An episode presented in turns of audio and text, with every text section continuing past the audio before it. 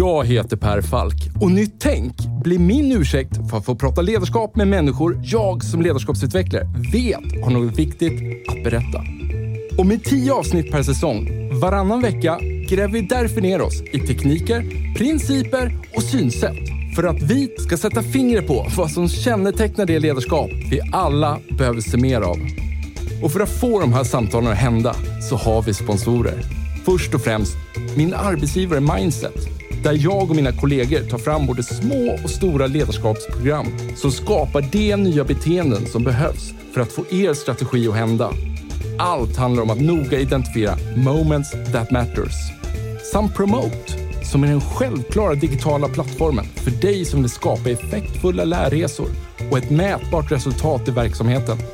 Och om ni vill ge era nya medarbetare en riktigt bra introduktion med en välkomnande och effektfull onboarding så tycker jag ni ska kontakta superproffsiga Induction. Ni hittar såklart länkar i avsnittsbeskrivningen. Nu hoppar vi in i samtalet och kom ihåg att det här är ett sammandrag av originalversionen. Enjoy!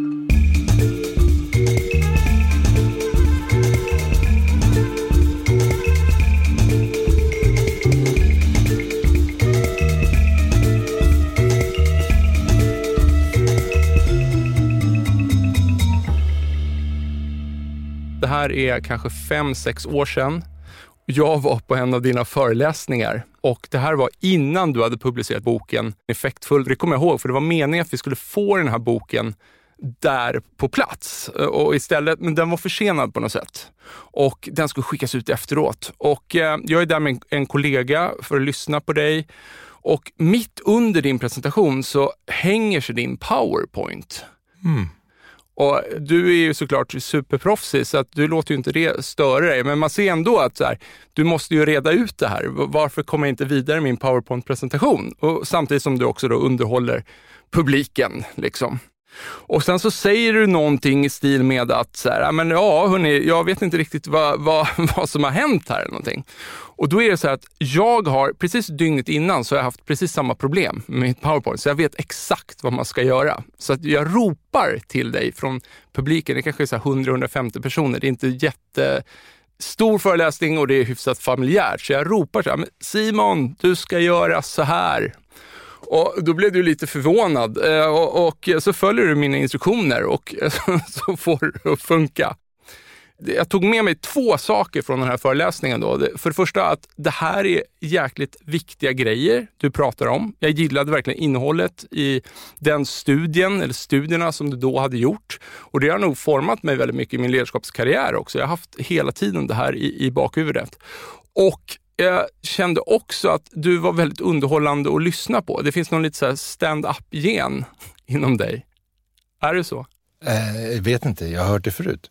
Du har hört det förut? Ja. ja att det är, en, det är, en, blandning av eh, stand-up och eh, forskning och um, ja, traditionell ledarskapsföreläsning. Så jag har förstått att det är, är någon blandning. Aha. Men jag, har, jag kommer ihåg dig och jag har letat efter dig sedan den här dagen för att få tacka dig personligen för att du eh, nej, fixade nej, min powerpoint. Nej, nej, save. ja, nej, men, eh, du, men det känns, eh, jag måste säga också då, liksom att jag lyfter frekvent fram din bok mot, mot deltagare jag har i mina chefsprogram. Och därför känns det lite extra fint att ha dig här i studion. Vad kul, tack. Ja. Och eh, kan man beskriva dig lite som en modern tidsstudieman, tänker jag mig? Eh, ja, det är en av de beskrivningarna som finns. Mm. Ja. Om man inte vet någonting om dig innan mm. och det du pysslar med, hur skulle du snabbt presentera dig då? Det, det beror på vilken del av mig som, som träffas. Um, är det på förskolan som någon träffar mig så vill jag inte prata jobb alls. så. Nej. Är du den lite dämpade personen där som kommer och lämnar och tittar ner i marken? Där, eller? Jag har inte fått reda på så mycket, men jag ser inte glad ut i mitt naturliga ansiktsuttryck och jag söker mig inte till människor i min fritid. Så att jag, jag får ju enorma överdoser av människor och deras problem och, och tillkortakommanden och fördelar och framgångar i mitt jobb. Ja. Så jag är väldigt engagerad i mitt arbete, men privat så, ja, få personer, gärna hemma och väldigt enkelt. Så. Ja. Sen har jag ju lite andra sådana här sido...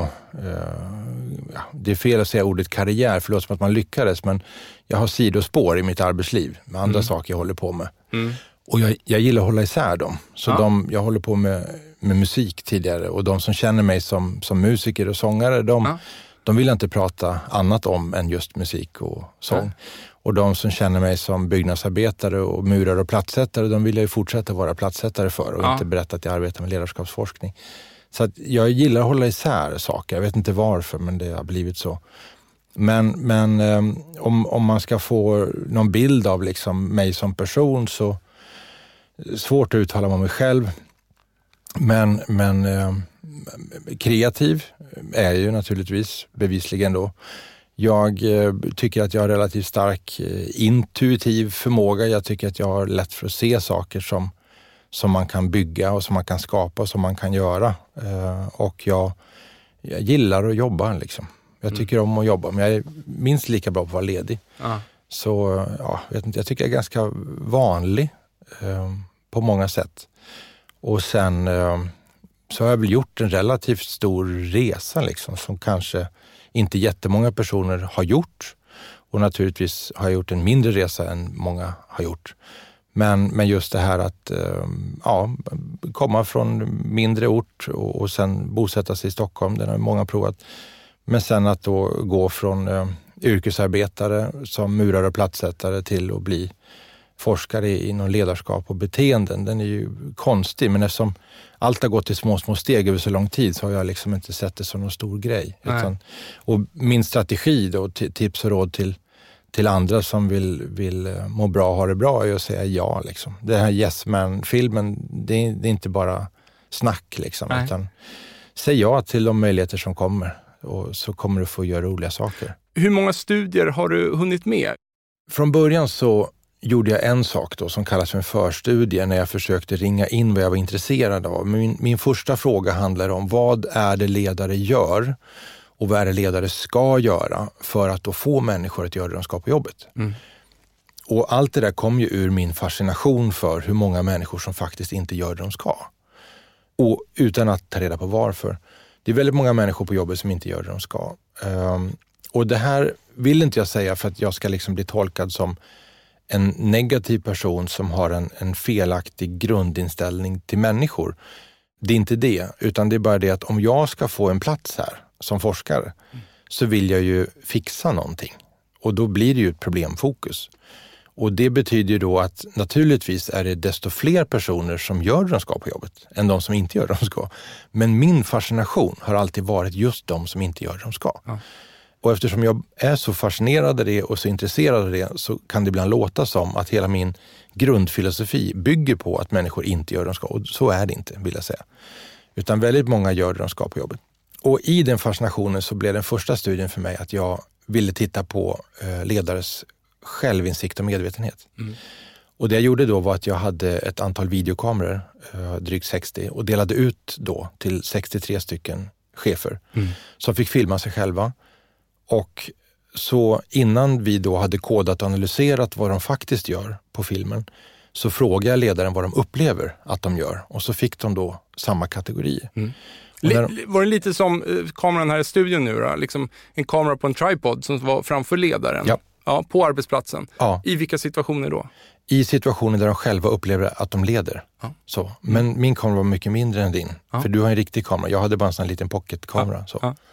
så att jag uppmanar ledaren att filma dig själv i situationer där du upplever att du leder och sen så frågar ledaren efter vad upplever du att du gör? Mm. Och då fick de här ledarna gradera då procentuellt hur stor del av mötestiden som de ägnar åt sju stycken specifika beteenden. Mm. Och de var då att ställa frågor till medarbetaren för att uppmärksamma utfört arbete, att återkoppla och bekräfta det arbete som har gjorts, att eh, säga saker för, med avsikt att påverka ett kommande arbete, att prata om arbetet i R-form, arbetsrelaterat prat, socialt skapande. Då. Mm. Och sen eh, två kategorier till då som var att eh, man pratar om sin, vad man själv har gjort och ska göra och man pratar eh, om saker utanför arbetet. Alternativt att sitta tyst då naturligtvis. Och deras graderingar var så otroligt långt ifrån sanningen. Mm. Och där, där liksom väcktes någon sån här liten låga i mig. Här finns det, här någon, finns det något som ja. jag vill vara med ja. så, över lång tid. Och de här 63 ledarna var så långt ute och cykla så undrar man hur många ledare finns det där ute som är så långt ute och cyklar? Och då vill jag också vara väldigt tydlig med att det handlar inte om att ledare specifikt har dålig självinsikt och medvetenhet, utan det är ju allmänmänskligt. Precis det jag sitter och tänker. Gäller dig och mig kanske också här? Ja, alla.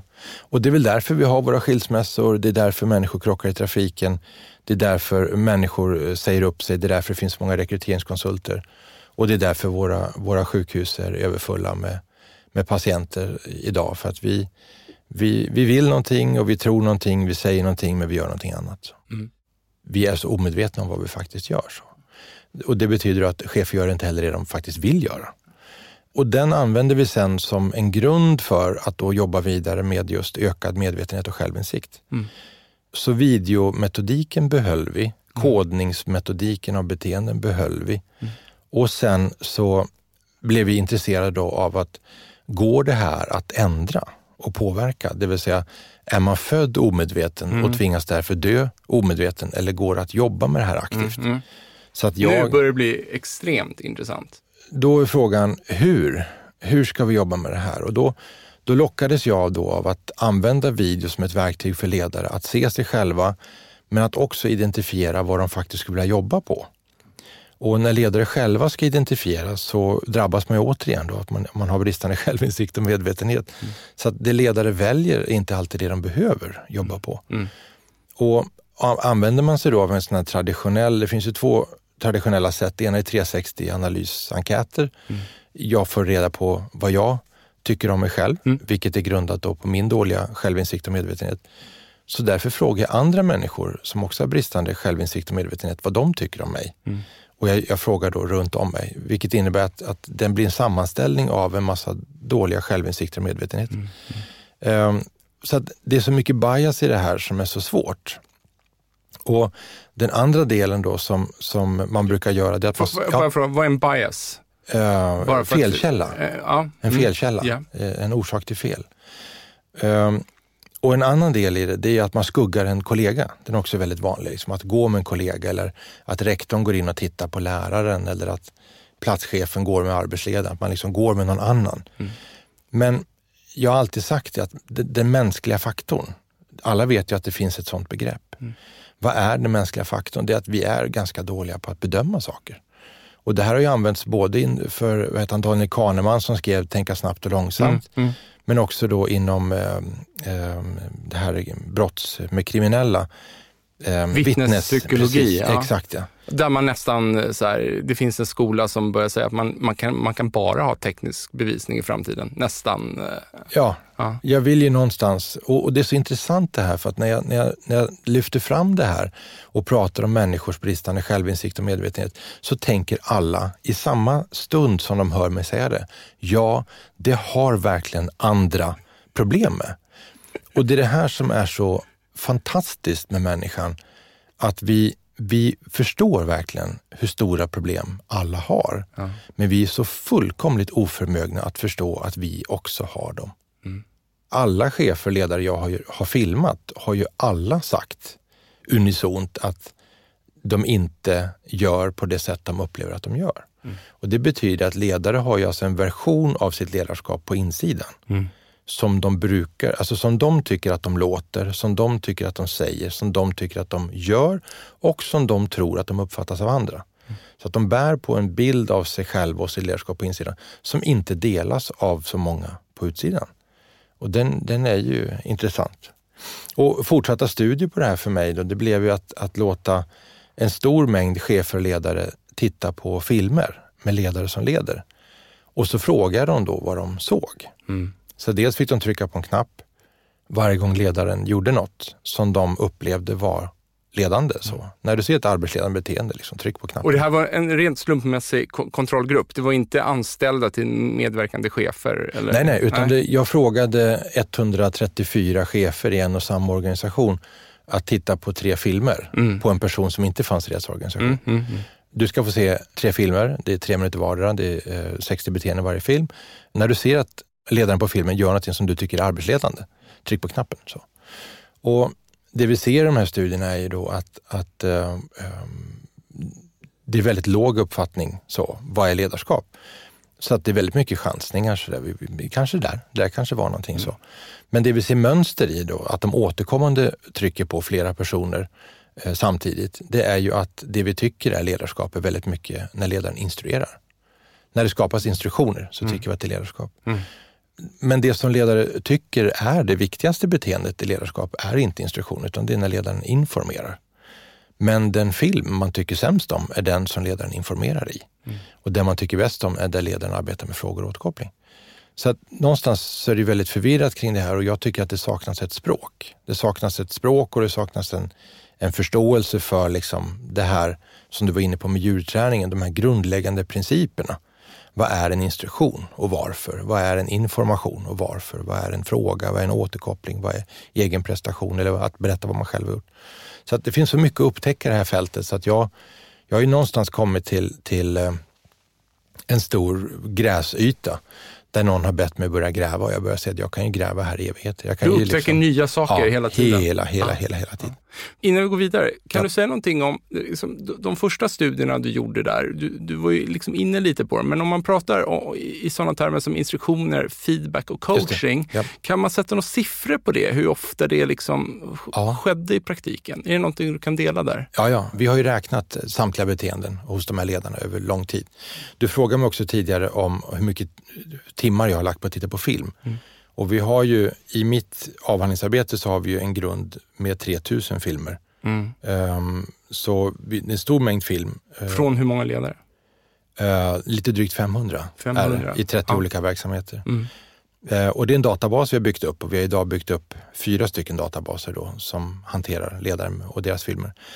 Och jag tittade väldigt mycket på filmerna från början och, och kodade och analyserade beteendena. Och sen har vi gjort ett antal studier, eh, alltifrån den här förstudien där man får skatta sig själv till eh, nästa studie där man får skatta en annan ledare. Mm. Och sen eh, till då studier där vi börjar titta på hur olika beter sig egentligen ledare i olika branscher beroende på, och även då det här som jag vill avfärda med ålder, kön och erfarenhet och bransch. Där jag inte ser några skillnader. Och när vi tittar på den och, och kodar och kategoriserar så ser vi då utslaget på filmer. Och det här har vi provat då, att gå in i olika typer av branscher och verksamheter mm. och filma ledare när de upplever att de utövar ledarskap. Det brukar vara morgonmöten, veckomöten, individuella mm. avstämningar, möten med underleverantörer och liknande. När du har möten som du har för avsikt att leda i, det vill säga påverka vad andra människor ska göra, följa upp vad de har gjort. Så, så tittar vi då mot de siffror vi har och vi får ju likadana siffror överallt. Det är väldigt få undantag. Och det vi ser, om vi nu ska dra de här siffrorna, eh, för de som har lite spetsiga öron nu, eh, att informera, det vill säga att prata om arbetet i är-form. Eh, hur har du det? Hur går det? Hur var det? Hur blir det? Hur är det? Eh, har vi det här? Eh, hur var det med det där? Det kallas för ett relationsinriktat samtal. Och det ägnar ledare mellan 60 80 procent åt mm. av sin tid. Mm. Det kallas för R-samtalet hos mig. Sen finns det något som heter gör-samtal, när man följer upp på prestation. Vad har du gjort? Vad gör du? Vad ska du göra? Mm. Och det är ju ett, en, en, en samtalsstil som många undviker och framförallt i Sverige eftersom vi känner att vi ifrågasätter och kontrollerar och nedvärderar en människa när vi frågar, frågar efter prestationer. Mm. Eftersom allt på arbetet ska handla om relationer. Så den delen är ju då resten, 2040 någonstans. Och den bryter man sen ner, den här göra-delen bryter man sen då ner i saker som ska göras framåt. Det kallas då för instruktioner. Saker som har gjorts bakåt kan man då följa upp och det kallas då för uppföljande frågor. Och sen kan man då bekräfta det som har gjorts bakåt och det kallas då för återkoppling. Som, så finns det massa träd under det där då med kategoriseringar. Och sen finns det en kategori som är intressant som heter egen prestation som innebär att ledaren ska själv berätta vad den har gjort och ska göra. Mm. Och de här är då olika riktade i tid, det vill säga vissa är framåtsyftande utifrån vad som ska göras och hur det ska bli. Och vissa är bakåtsyftande utifrån vad som har gjorts och hur det har varit. Och tittar man på de här koderna så ser man att ledare ägnar dem mellan 5 och 10 procent av tiden åt att berätta vad de själva har gjort och ska göra. Och ledare är alldeles för dåliga på att berätta om vad de har gjort och ska göra. Så många medarbetare går runt med en känsla och en upplevelse och funderingar kring, undrar vad chefer och ledare egentligen gör på jobbet. Egen prestation är viktig, att lyfta fram vad jag gör som ledare och chef och gärna vad jag gör för andra. Sen finns det då de här tre beteendena som eh, är de som vi ska fastna vid om vi ska fastna någonstans. Och det är tydligheten i det arbete som ska göras. Mm. Det kallas för instruktion. Då. Och sen är det då uppmärksamheten för det arbete som görs, uppföljning. Och den tredje är återkoppling och bekräftelse, så att vi vill göra mer och bättre framåt. Så mm. de tre. Och tittar man då på instruktionerna så är det någonting man ägnar mellan 10 och 20 procent åt som ledare. Men fyra femtedelar av de här instruktionerna är otydliga. Mm, mm. Det betyder att ledare lägger tid på att skapa instruktioner, men de skapar otydliga instruktioner. Eftersom vi är så relationsinriktade och inte prestationsinriktade så leder det då till en mängd fel, många miljarder i byggbranschen. Mm. Det leder mm. till eh, missförstånd och det leder till konflikter och att man inte är nöjd med sin chef och ledare för att den är så otydlig. Men ledare och chefer vill inte vara tydliga heller för då tror man att man ifrågasätter och kontrollerar och nedvärderar. Så här är en sak att jobba med. Det andra då, det är ju då frågor för uppföljning eller titta på uppföljning, utvärdering av arbete, utfört arbete. Och den lägger ledare och chefer 0 till 2 procent på. Och det här har då fått, började med inget kapitel, sen blev det ett kapitel, nu är det tre kapitel i de stora ledarskapsböckerna som handlar om monitorering. Att synliggöra och följa upp det arbete som görs. Mm.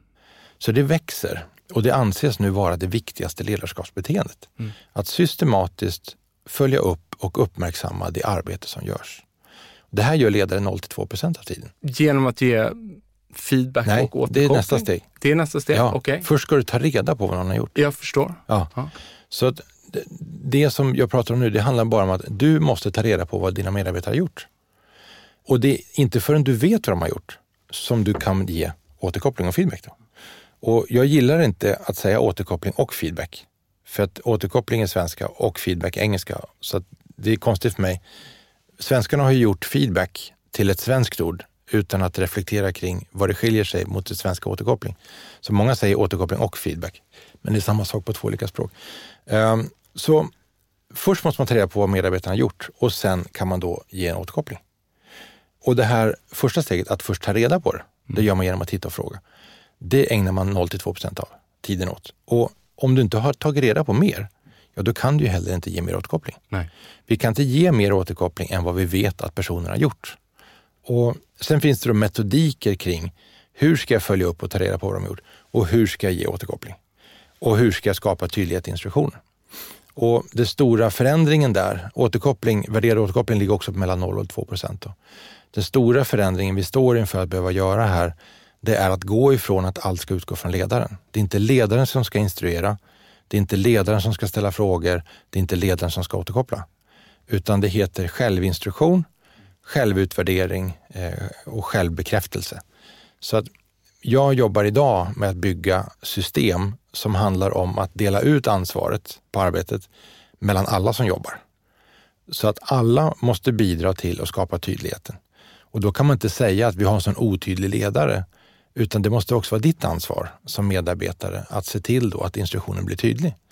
För en ledare kan inte veta, om man står framför 30 medarbetare, så kan du omöjligen veta på vilka 30 olika sätt de här människorna behöver få instruktionen till sig mm. så att den blir tydlig för alla.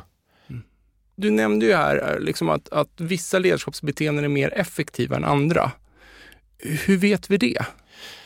Jag vill ju använda begreppet effektfulla, mm. inte effektiva. Mm.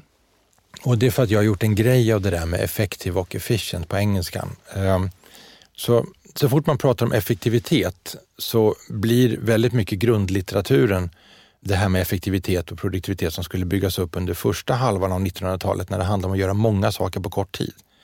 Så många människor har de associationerna. De associerar effektivitet till mängd arbete som görs under en viss tid. Mm.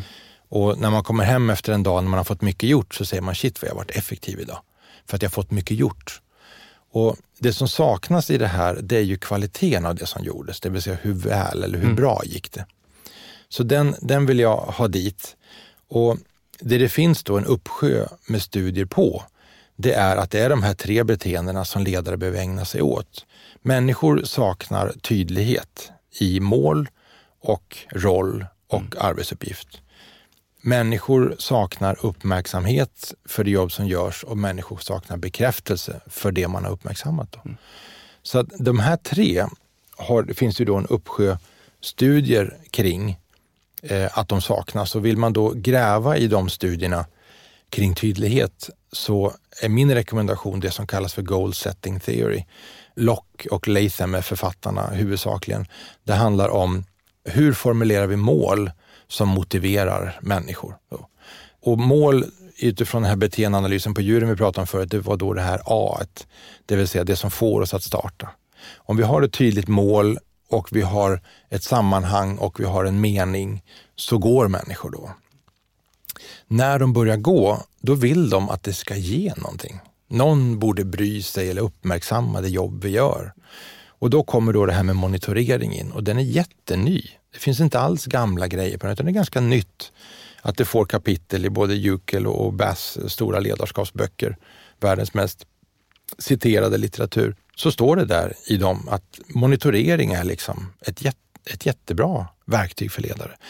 Bry dig om medarbetarna, uppmärksamma dem eh, och, och, se deras prestationer och se dem som personer. Så den finns det mycket stöd för. Och sen återkoppling är ju naturligtvis ett jättefält och då säger man att återkoppling har störst effekt. Det vill säga, för att ta någonting som jag verkligen inte tycker om, någon form av idrottsmetafor. Men om du inte vet hur det gick mm. när du ansträngde dig sist, så kommer ansträngningen avta. Om, om vi, vi gör en ansträngning fysiskt eller mentalt och så vet vi inte vad som hände eller vad det ledde till när vi ansträngde oss, då är vi mindre benägna att vilja anstränga oss igen. Då. Så återkoppling är det som har störst effekt på fortsatt ökad prestation. Men uppmärksamheten är ju förutsättningen för återkopplingen. Så om jag inte vet vad du gjorde, det vill säga om jag inte liksom har en analysmetod, ett samtalsmetodik, liksom man inte har en metod för att systematiskt följa upp, uppmärksamma och ta reda på vad var det du gjorde? Hur gjorde du? Hur såg det ut när du gjorde det? Vilka förutsättningar? Jobbar du själv eller med andra? Hur var belysningen? Hur var temperaturen? Hur var, hur var greppet? Hur såg produkten ut? Hur betedde sig patienten eller eleven? Alltså att, att ställa detaljerade, intresserade frågor om hur var det och vad gjorde du? Så det är den som ger grunden för att sen kunna säga om det här var bra eller dåligt. Och det är det också som verkar då enligt dina studier helt falla mellan stolarna? 0 till 4 procent ja. är den sammantagna mängden tid som ledare lägger på att följa upp, uppmärksamma, återkoppla och bekräfta. Mm. Så att de två viktigaste beteendena, det viktigaste och det som har störst effekt, det ägnar man mindre än 5 procent av sin tid åt. Ja. Då frågar jag så här, vad kommer coaching in i det här? Hur benämner du coaching? Coaching är återigen ett engelskt ord som man har tagit till Sverige och gjort till svenskt. Men, men coaching handlar ju eh, för de allra flesta, skulle jag tro, eh, om att leda genom frågor. Mm. Istället för att servera lösningar. Alltså när människor informerar och instruerar andra så skapas det ett motstånd. Vi gillar inte att få höra vad andra vill att vi ska tänka och göra. Så att, att säga saker åt folk skapar motstånd initialt och det, det sänker självständigheten, det har låg eller ingen påverkan. Och då är det ganska självklart, vad är det jag ska göra då? Jag ska ju då ställa frågor. För ställer jag frågor, då får jag den jag ställer frågor till att själv tänka, att själv formulera och själv planera. Och de har också en känsla av att de själva har skapat det de säger. Och det vi själva får tänka ut och planera och skapa, det känner vi ett stört, större ägande i. Det känns viktigare för oss och vi är mer benägna att följa de idéer vi själva kommer på än det som andra kommer på åt oss. Då. Så det coachande ledarskapet det har ju då vunnit väldigt mycket mark med all rätt. Mm. För det skapar ju mer delaktighet, det skapar dialog och det skapar att eh, medarbetaren känner sig som medskapare i instruktioner och, och, frågor. Det är ju mycket av det du har nämnt där som kommer med köpet av en med ett coachande förhållningssätt. Ja, ja. men eh, det är det här igen då med forskarna som sitter inne på universiteten och, och ledarna som är ute i den praktiska vardagen varje dag. När forskaren då säger det, ställ frågor, så saknas det alltid en ingrediens och den ingrediensen som alltid saknas i nästan all forskning kring arbetslivet, det är det som kallas för instruktionsvärde. Och det är två forskare som, som eh, har, har liksom myntat begreppet, eller gjort en sak av eh, begreppet, då, Lisper och Lind, som pratar då om eh, instruktionsvärde. Instruktionsvärde innehåller en tydlighet om hur. Så då säger man att du ska jobba med coachande ledarskap. Ja, men hur? Mm. Så säger någon att du ska ha situationsbaserat ledarskap. Ja, men hur? Du måste liksom bemöta de här människorna på ett annat sätt. Ja, men hur? Och ingen forskare som jag har hittat eller jobbat med eller träffat jobbar med huret, utan de jobbar med att och bör och ska. Så.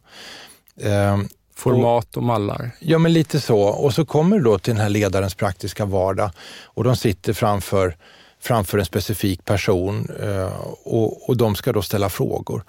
Och då, då sitter jag där med de här ledarna och de säger att jag tycker det är svårt att ställa rätt frågor.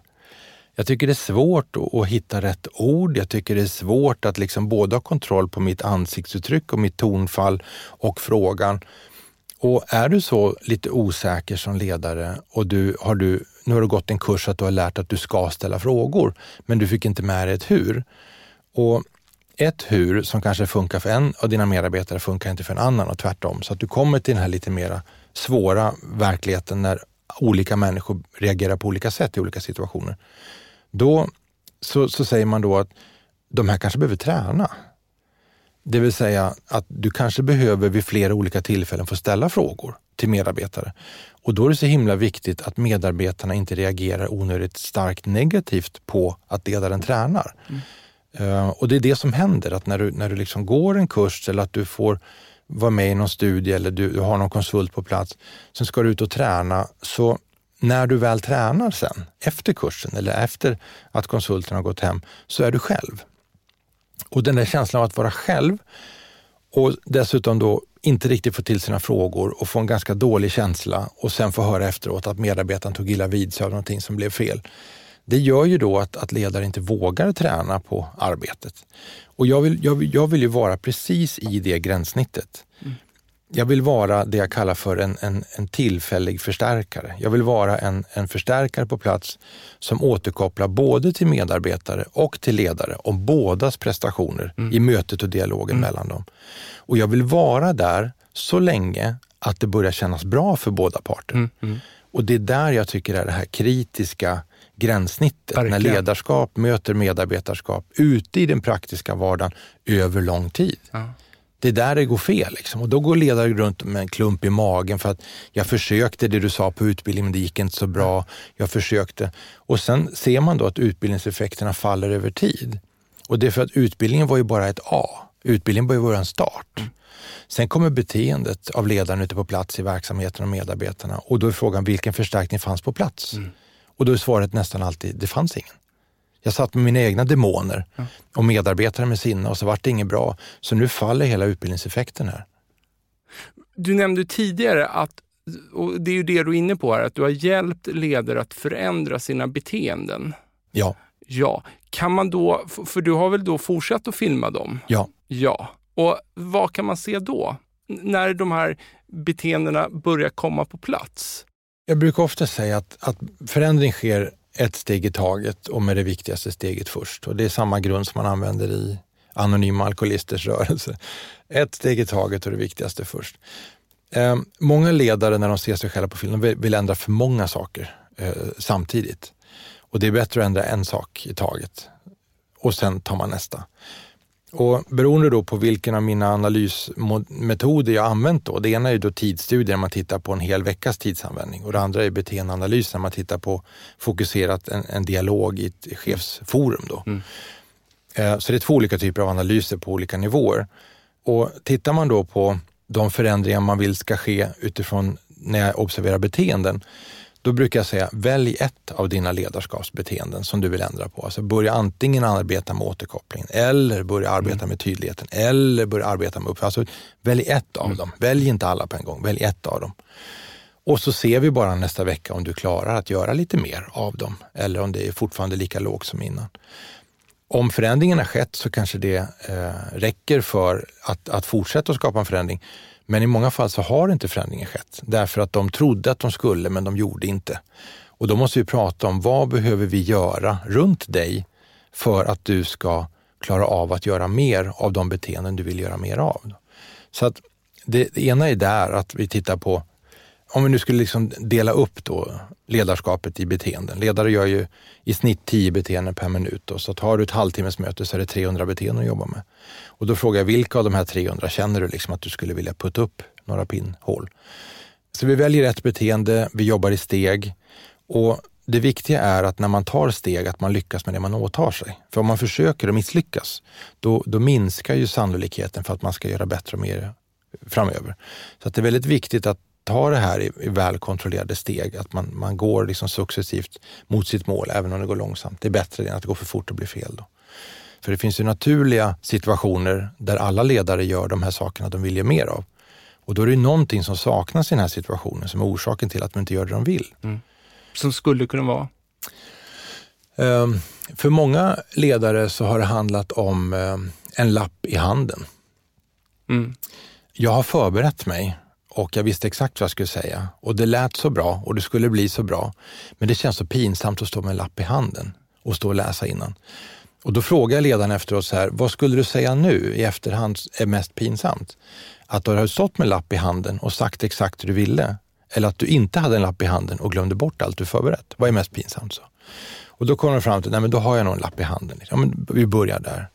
Det kan vara att ha ett anteckningsblock under veckan som han har med sig och skriver upp saker i, som man sen kan ha till underlag för möten och individuella avstämningar. Det kan handla om en tavla som skapar en struktur för mötet som säkerställer att man pratar om rätt saker på rätt sätt i rätt ordning. Det kan vara att man anpassar en agenda, en mötesagenda där man säkerställer att man pratar om rätt saker på rätt sätt. Men det kan också vara ganska konstiga, udda, individuella förberedelser som att innan så behöver jag sitta i fem minuter och bara djupfokusera med en viss låt. Ja. Individuella ritualer just ritualer, för, den, för ja. den personen. Ja. Liksom. ja. Så att vi vill ju veta vad är det vi behöver ändra på i den här situationen mm. för att du ska göra i större utsträckning det du vill mm. och det du ska. Det här visar ju också hur svårt det är. Om man är inne här och jobbar på den nivån, att vi måste hitta exakt rätt förhållanden för att de här ledarskapsbeteendena ska komma fram hos dig. Yep. Det visar ju någonstans hur, hur svårt det är att, att, att, sprida nya ledarskapsbeteenden i en organisation. Jag skulle säga att om vi fortsätter på det här sättet så är det nästan till omöjligt. Och det vittnar många högre chefer och ledare om. Alltså hur svårt ska det vara att lansera ett nytt program? Hur svårt ska det vara att ändra en kultur? Vad är det för någonting då? Och hur svårt ska det vara? Så att högre chefer, de brottas ju med de här sakerna. Vi måste snabbt nu ändra riktning på den här skutan. Mm. Och ingen kan ju säga att vad lätt det var. Utan alla säger att det är mycket svårare, tar mycket längre tid än vad vi tror. Och det är inte det, orsaken är inte att det är svårt. Utan orsaken är ju att, att jobba med de här frågorna kräver så mycket av så många personer. Det kräver kartläggning av situationerna. Det kräver en, en relation mellan den som handleder och den som blir handledd. Det kräver en självinsikt och medvetenhet hos den som ska göra förändringen. Det krävs en förståelse för reaktioner av den som blir utsatt för förändringen. Det krävs, alltså det krävs mm. otroligt mycket saker. Mm. Och det finns de som säger att vi kan inte genomföra en organisationsförändring här för vår verksamhet är så komplex. Och då tycker jag att det är fel att använda ordet på det sättet, för inga verksamheter är komplexa utan de kan vara organiserade på ett sätt så att man har gjort det rörigt eller svårt. Så. Och man kan ha eh, sampåverkan från massor av olika faktorer samtidigt som gör att det blir svårt. Men att säga att det är komplext, det säger till hjärnan att det här går troligtvis inte att göra någonting mm. åt. Och det tycker jag är fel. Det blir en liten trösttanke kanske? Det är det det blir. Alltså, det är en snuttefilt ta tag ja. varför jag inte måste förändra ja. mig eller varför det inte går att förändra sig. Precis eller. så. En ledare som du hjälper, en organisation som du hjälper, om man lyckas få fram de här nya beteendena, ja.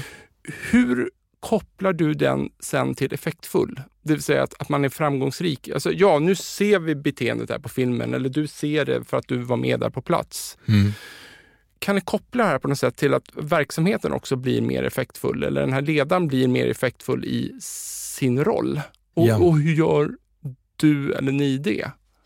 När vi har börjat då att få ledare att minska mängden information och instruktion och istället börja ställa mig frågor, då mäter vi ökad delaktighet. Mm. Och den är ganska enkel att mäta genom att titta bara på samtalstid i mötet. Mm. Mm. Hur stor del av mötet pratade du förut mm. och hur stor del av mötet pratar du nu? Mm.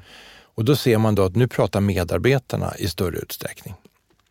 När medarbetarna pratar mer i större utsträckning så förutsätter det också att de måste börja tänka mer, planera mer och formulera fler saker i sitt huvud. Mm. Och då har vi också en delaktighet där. När vi har delaktigheten på plats och, och de här börjar att tänka och, och prata, då måste vi som ledare möta upp med någon form av struktur för vad vill jag ha sagt som någon form av informationspunkt? Vilka frågor ska jag ställa? Vad förväntar jag mig att de har förberett till det här mötet? Vad ska de ta ansvar för? Så att vi, vi transformerar och vänder om de här agendorna och vi kallar det för omvänt ledarskap. Det är inte ledaren som enkom är ansvarig för allt, utan alla individer på arbetsplatsen måste känna ett ansvar och ta det ansvaret för att det ska förflytta sig. Gör de det, då finns det ju ingenting av motstånd och seghet och, och, och långsamhet kvar, mm. utan då går ju alla bara dit för att de vill och förstår varför. Mm. Det är det ena då. Sen när vi då ser de här strukturerna börja vändas om och vi ser att delaktigheten finns, vi ser att engagemanget finns i form av att de förbereder sig, de bidrar aktivt. Man ser att frågorna blir mer rätt, mer adekvata. Vi pratar om rätt saker på rätt sätt i rätt ordning. Då är det intressant att gå in med olika former av analyser och titta då på, pratar vi är-form eller gör-form? Pratar vi gjort bakåt så att man får uppmärksamhet och återkoppling? Eller pratar vi göra framåt så att vi ska skapa tydlighet i kommande? När vi lägger dem på plats och sen gör vi då utvärdering i form av både enkäter eh, för ledare och för medarbetare, så säger de då att tidigare så hade vi möten som var mest samtalstid, som rann iväg. Det var lågt engagemang, det var låg delaktighet.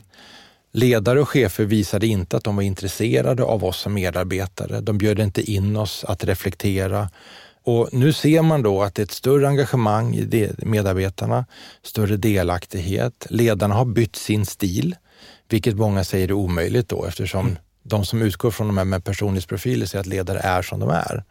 Och jag säger det att oavsett vem du är så kan du göra på ett annat sätt. Mm. Och byter man sitt sätt att göra saker på, då säger medarbetarna att du är så förändrad. Och det här var en insikt jag fick nere i en, kommunal hemtjänst när en, en ledare bytte stil.